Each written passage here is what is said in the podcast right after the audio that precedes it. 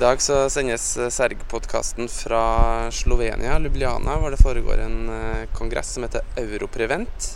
Der har vår forsker Charlotte Bjørk Ingull nettopp presentert eh, nye data fra barnefedmestudien som hun er ansvarlig for. Og Charlotte, hva er det du har presentert her? Eh, idag så har jag presenterat eh, ett års uppföljningsdata efter en eh, träningsintervention bland eh, 100 barn med fedme sammanliknat med barn med normal vikt. Og hva viser resultatene der? Resultaten visar efter tre månader med eh, antingen högintensitetsträning eller moderat träning eh, hade fortsatt en god effekt när det gäller en förbättring av hjärtfunktionen. Eh, och den visar att eh, högintensitetsträning eh, eh, den ökt, ökta konditionen då vid O2 max eh, som vi kallar det. Eh, Det såg ut som moderat och icke lyckades och upprätthålla eh, samma eh, kondition som de hade fått efter tre månader. Og det her er da barnefedmestudien som eh, dere har gjennomført i samarbeid med forskere i Australia. Si litt mer om denne studien, metodene og hvilke barn som er inkludert osv. Ja, så vi har då inkluderat eh, 100 barn med eh, fedme, hvor man har då ett speciellt eh, barnindex. Ehm, eh, samman med Brisbane, eh, University of Queensland, eh, där vi inkluderade 60, och eh, Brisbane 40 barn då. Och så sammanliknar vi dem med normalväxtiga barn.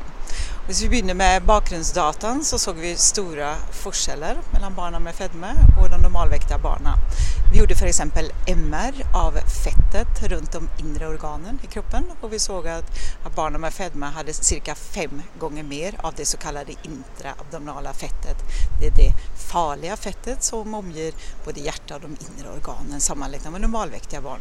Vi såg också att, eh, att barnen med fedme hade dubbelt så mycket fett runt hjärtat, så kallat epikardiellt fett. De hade också till dels högre blodtryck, hade högre vilehjärtefrekvens eh, och de hade också eh, mer fett i levern sammanliknat med eh, de avvägda barnen. Vi såg också stora skillnader på hjärtinfektionen.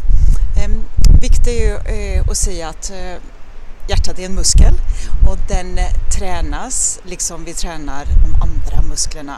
Och det vi ser konsekvent är att eh, både jenter och gutter med fedme, de har mycket mindre hjärtan sammanliknat eh, när vi justerar för kroppsytan sammanliknat med de normalviktiga barnen.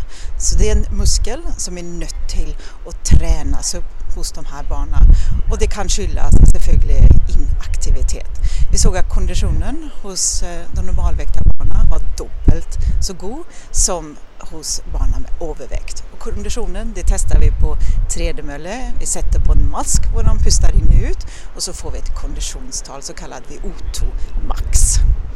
När det gäller hjärtefunktionen som var eh, huvudutfallsvariabeln, det vi studerade, eh, visste då att både den systoliska funktionen, det är när hjärtat pumpar ut blod och när hjärtat fyller sig med blod, den så kallade diastoliska funktionen, den var nedsatt sammanliknad med barnen med normalväxt. Så det var stora skillnader på förhand mellan normalväktiga och barn med fedme. Så vi randomiserade. Randomiserade det betyder att man tillfälligt blir placerad i en grupp. Vi hade tre olika grupper. Och vi önskade se på skillnaden mellan träning och eh, dietintervention. Man får kosthållsråd eh, versus kun att man får kosthållsråd. Och så delte vi dem upp i två försäljda träningsgrupper. Den ena gruppen tränade med hög intensitet på tredemölle i huvudsak, eh, av och till på cykel. Eh, och den andra gruppen tränade på moderat träning. Eh, Högintensitetsträningsgruppen de gjorde fyra intervaller med fyra minuter på hög intensitet och mellan de ökterna så var det då lite vila, aktiv vila med, eh, i tre minuter. Medan de på moderat intensitet tränade på 60-70% av den maximala hjärtfrekvensen i 40 minuter kontinuerligt. Och dietgruppen de fick då eh, en intervention med en näringsfysiolog och de fick kosthållsråd eh, hela familjen. Eh, och alla grupperna eh, fick då kosthållsråd. Och då, hvis vi då börjar med där vi verkligen såg eh, stor forskjell efter träning, eh, efter tre månaders intervention, så tog vi in dem och gjorde akkurat samma testerna. Eh, både vilehjärtefunktion men och hjärtfunktioner under belastning på en maxtest på cykel. Eh, vilefunktionen så ökade både högintensitetsgruppen och moderata gruppen LiKA-MY, både när det gäller eh, den systoliska funktionen, det vill säga hjärtats pumpekraft, både när den fyller sig och pumpar ut, det ökade lika gott för bägge träningsformerna. Under maxbelastning så var det högintensitet som var lite mer effektiv till att styrka hjärtat.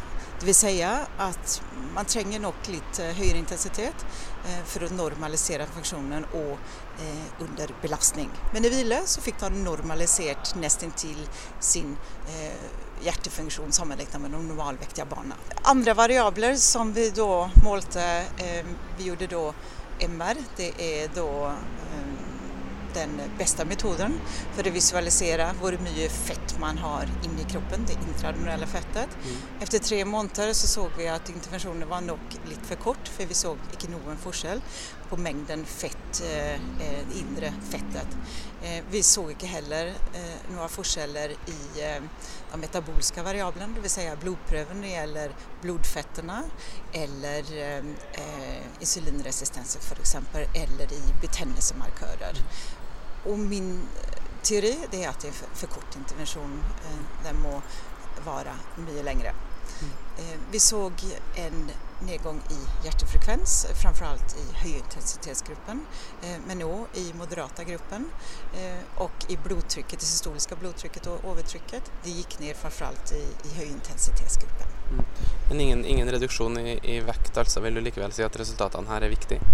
Resultaten är jätteviktiga.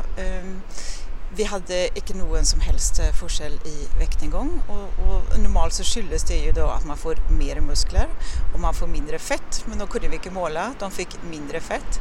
Eh, det viktiga med studien är att eh, om man ska gå ner i vikt, vi pleier slanka barn. Det är inte studien var inte designad på den måten. Vi vet att träning sällan reducerar vikten eh, utan man må reducera antalet kalorier om man ska reducera vikten.